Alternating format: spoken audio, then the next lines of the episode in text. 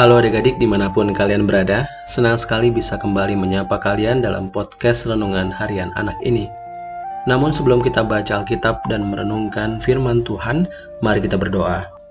Terpujilah Tuhan yang memberikan kami waktu untuk mendengarkan dan membaca firman-Mu. Beri kami hikmat Tuhan untuk mengerti dan melakukannya. Dalam nama Yesus Tuhan kami. Amin. Adik-adik, sudah tiga hari ini dasar renungan kita diambil dari Matius 26 ayat 17 sampai 25. Namun hari ini kita mau melihatnya dari sudut pandang yang berbeda. Yuk kita baca lagi. Beginilah firman Tuhan. Pada hari pertama dari hari raya roti tidak beragi, datanglah murid-murid Yesus kepadanya dan berkata, "Di mana engkau kehendaki kami mempersiapkan perjamuan Paskah bagimu?" Jawab Yesus, Pergilah ke kota kepada si Anu dan katakanlah kepadanya, Pesan guru, waktuku hampir tiba.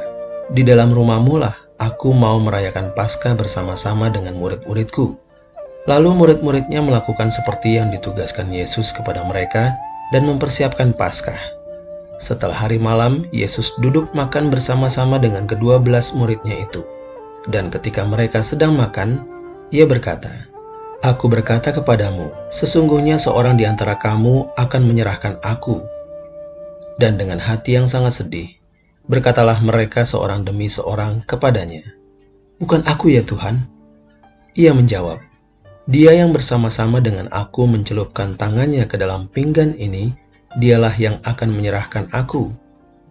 Anak manusia memang akan pergi sesuai dengan yang ada tertulis tentang dia.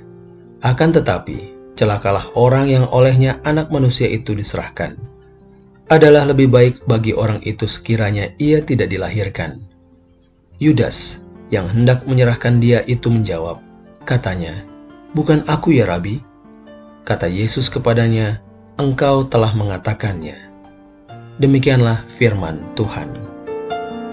Adik-adik, fokus renungan kita hari ini diambil dari Lukas 23 ayat 34a yang berbunyi, Yesus berkata, Ya Bapa, ampunilah mereka sebab mereka tidak tahu apa yang mereka perbuat.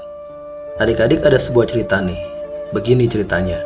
Di tengah hujan lebat, di tengah malam, Bajuri yang nampak kedinginan tetapi berkeringat mengetuk kamar kos Raihan dan meminta tolong kepadanya agar bisa berteduh sesaat. Raihan mempersilahkan masuk dan memberikan makan serta minuman panas. Setelahnya, Bajuri tertidur di kamar itu hingga pagi menjelang. Bajuri buru-buru meninggalkan kos Raihan tanpa berpamitan terlebih dahulu. Beberapa hari kemudian, Raihan dipanggil menghadap Pak RT. Di sana hadir pula Pak Keamanan Kampung serta pengurus RT lainnya. Mereka menanyai Raihan perihal keterlibatannya dalam kejahatan yang dilakukan oleh Bajuri. Bahkan, ia dituduh menyembunyikan Bajuri waktu dikejar orang sekampung malam itu. Rupanya Bajuri tertangkap oleh orang kampung dan dia menyebut nama Raihan ketika diinterogasi. Raihan menjelaskan bahwa ia tidak tahu Nahu dan hanya berbuat baik menolong Bajuri yang kedinginan dan kelaparan saja. Setelah setelah yakin bahwa Raihan tidak terlibat, Pak RT mengizinkannya pulang ke kos. Raihan hanya bisa mengelus dada sambil bersyukur bahwa Tuhan menolongnya dari pengkhianatan orang yang ditolongnya.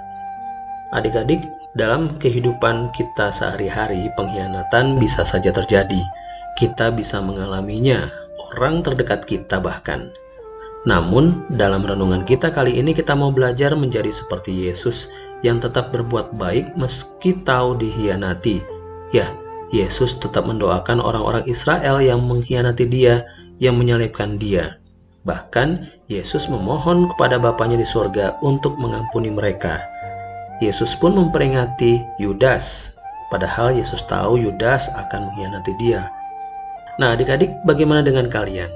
Di hari-hari jelang peringatan kematian Yesus di kayu salib, atau biasa kita kenal dengan sebutan Jumat Agung, yuk kita sama-sama belajar menjadi semakin serupa seperti Yesus, tetap berbuat baik meski dihianati, meski orang lain berbuat jahat kepada kita.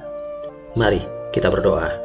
Bapa kami di surga, kuatkan dan mampukan kami untuk terus berbuat baik kepada orang, kepada sesama, meski banyak yang jahat.